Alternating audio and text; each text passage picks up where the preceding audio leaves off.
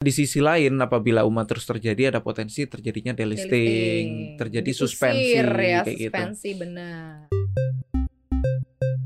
Tapi untuk kita para investor yang udah keterlanjuran beli, Hmm. terus belum sempat jual, terus kena umat nih saham Hmm. ini gimana nih, Ja? Kalau ada dua faktor itu, biasanya market akhirnya apa regula- regulator itu nge- ngenotis Mm-mm. adanya pergerakan yang tidak wajar ini, akhirnya membuat eh, regulator itu memberikan cap UMA untuk perusahaan itu. Paham Pantauan Saham. Makin paham makin cuan. Sobat Cuan apa kabar? Selamat datang di Cuap Cuap Cuan. Seperti biasa hari Senin hari ini ada pantauan saham Paham, makin paham, makin. Cuan. Wih, Mantap. Bareng Maria Katarina dan juga Saya Muhammad Reza, equity analyst dari CNBC CNBC Indonesia. Equity Analis CNBC Indonesia harus lengkap dong. Hmm. Nanti kan Sobat Cuan nanya nih equity analis mana? Gitu kan.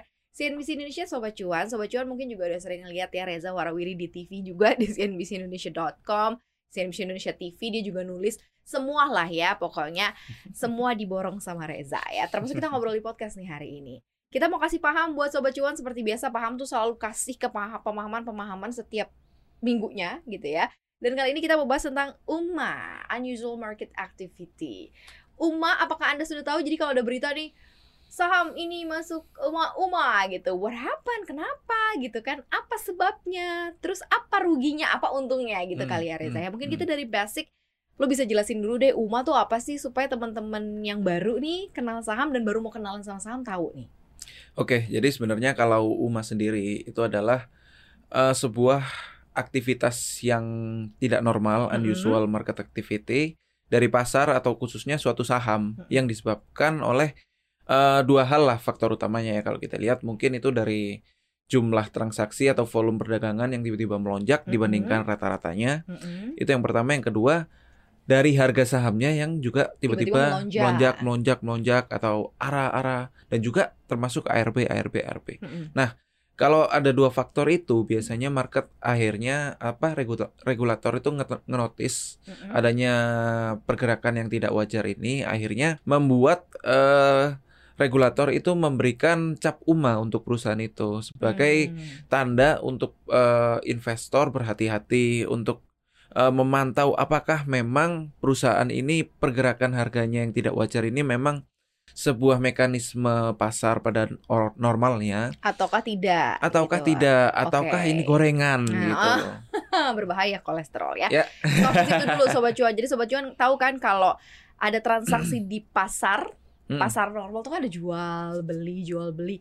Jual belinya tahap normal. Jadi kalau di cerminan di grafik ya naik ya, naik, turun, naik, turun seperti itu. Tapi kalau misalnya UMA nih udah naik tinggi, tiba-tiba naik lagi, Ya. tiba-tiba naik lagi, Hmm. tiba-tiba dibanting gitu ya Ya. itu udah masuk ke dalam kategori unusual market, Market activity. activity. Berapa lama biasanya dari pihak otoritas menotis sebuah saham ini gak wajar nih Mm-mm, gitu. dalam satu kali satu hari perdagangan saja kah? Atau kayak udah di apa udah dipantau dalam eh, tiga hari gitu. Misalnya nih kok naik naik naik terus kok turun turun turun terus gitu.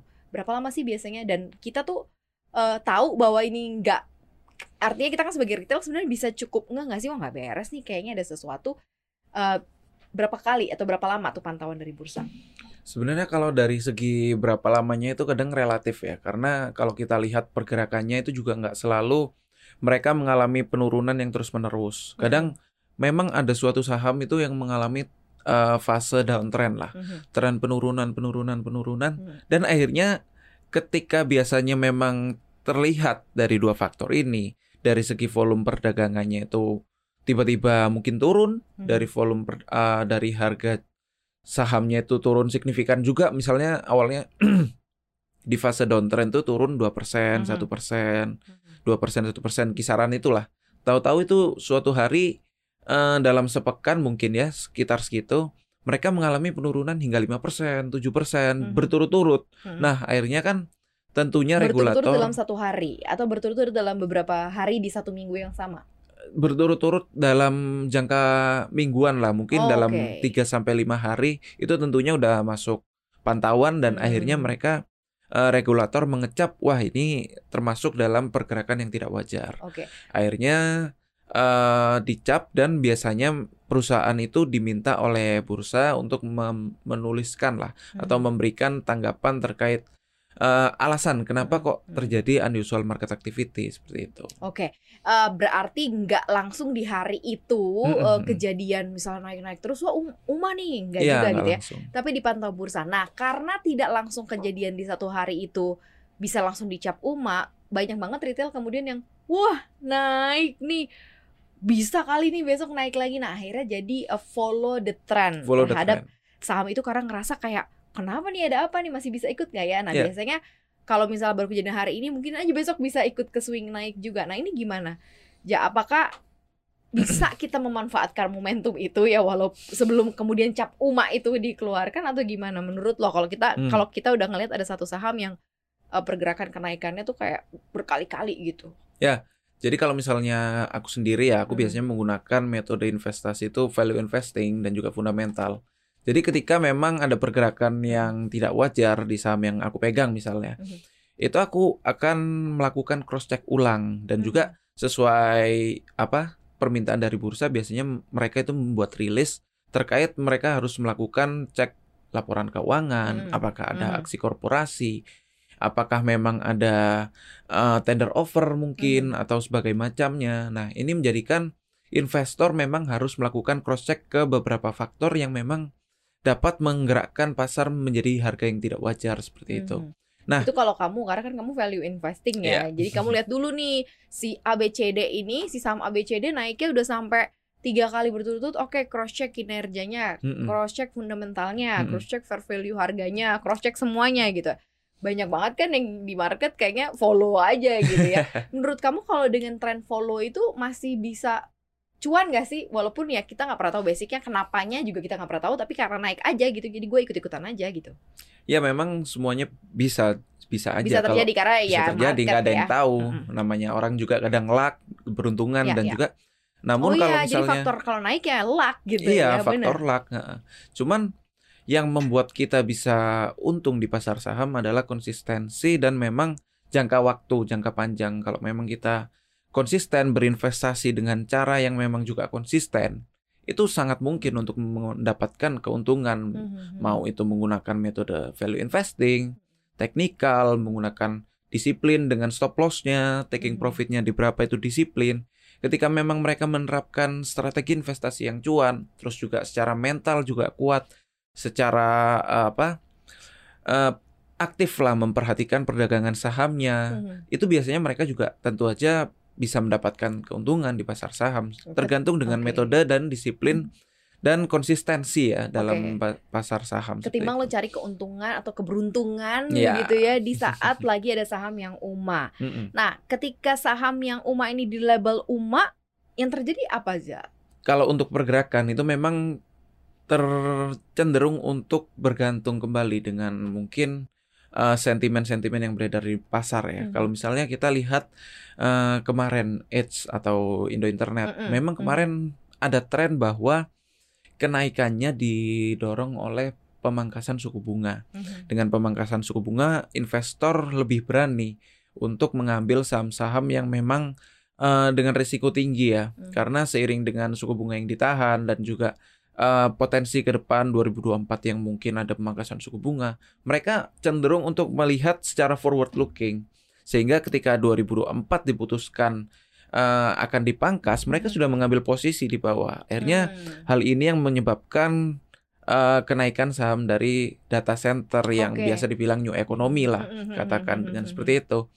Tapi di sisi lain ada juga misal saham BIF yang kemarin baru aja juga eh, diminta untuk memberikan tanggapan atas unusual market activity-nya. mhm. Yang terjadi pada saham BIF ini ternyata mereka eh ada aksi korporasi yaitu tender offer. Oh, Nah, oke. dengan adanya tender offer ini memang berarti pergerakan unusual market diikuti oleh adanya tender offer. Mungkin Hmm. ada sentimen yang memang pasar melihat wah ini sepertinya akan terjadi tender offer sehingga Hmm. mereka mengambil akumulasi pembelian seperti itu. Hmm. Jadi memang sangat bergantung. Jadi kalau kita melihat Indo Internet memang pergerakannya itu mengalami kenaikan ketika diumumkan UMA karena pergerakannya tidak wajar itu cenderung mengalami penurunan setelahnya. Oke, berarti semua sebenarnya uh, emiten yang ketika dicap UMA pun dikasih hak jawab lah ya kenapa gitu ya Ya. sampai terjadi seperti itu. Hmm. Tapi untuk kita para investor yang udah keterlanjuran beli Hmm. terus belum sempat jual, terus kena UMA nih saham Hmm. ini gimana nih, Ja?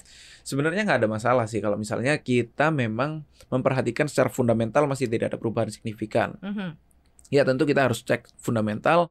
Kita cek mungkin kita buka portal-portal berita, kita cek CNBC. Mhm. Ada nggak sih berita-berita terkait saham ini yang melakukan aksi korporasi atau apa?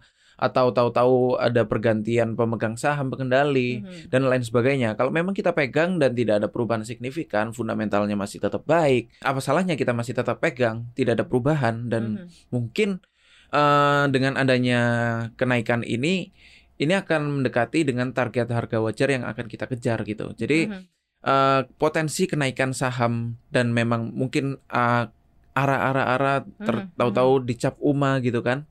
Mhm. Akhirnya eh, pelaku pasar melihat eh, apakah ini menjadi waktu untuk yang tepat untuk mengambil taking profit Hmm, karena oke. Ya, jadi intinya kalau misalnya ada cap UMA, investor mungkin perlu lebih berhati-hati dan perlu melakukan cross check ulang karena eh, di sisi lain apabila UMA terus terjadi ada potensi terjadinya delisting, terjadi Diusir suspensi ya, kayak gitu. suspensi benar. Nah, kalau udah suspensi kan kadang lebih ribet gawat ya. lagi itu iya. malah lebih gawat lagi. Eh, eh, gitu meskipun ya. kadang suspensinya juga nggak lama, Mhm, mungkin mhm. cuma seminggu gitu, karena Mhm, mhm, unusual market activity aja gitu loh, Mhm. seperti itu. Kalau menurut lo secara eh, kondisi sebenarnya siapa-siapa aja sih emiten yang mungkin kena UMA gitu? Apakah hanya karena memang based on dari volume dan tadi kenaikan harga saja atau sebenarnya siapa pun juga bisa gitu untuk untuk eh, ada maksudnya eh, bisa aja kena UMA gitu. Mhm, nggak hanya saham-saham yang di second liner atau third liner gitu saham-saham blue chip pun mhm. mungkin aja gitu kena UMA. Ya, sebenarnya memang kalau secara teori eh, semua saham memang bisa kena UMA, unusual market activity. Karena eh, yang menyebabkan adalah dua faktor utama ini, perdagangan yang melonjak signifikan secara volume dibandingkan rata-rata mungkin eh, sebulan atau setahun Mhm. sebelumnya dan juga yang kedua adalah kenaikan harga yang signifikan. Mhm. Cuman kenapa sentimennya itu biasanya terjadi di saham-saham dengan kapitalisasi kecil atau Mhm. small cap, mid, mid cap itu disebabkan oleh memang eh, dengan adanya saham-saham small cap itu mereka itu volatilitasnya lebih tinggi. Untuk dibawa Hmm. naik itu lebih gampang. Oke. Mengalami kenaikan volume secara signifikan itu mudah. Sedangkan kalau saham-saham big cap itu cenderung untuk lebih sulit kan karena mereka Mhm. juga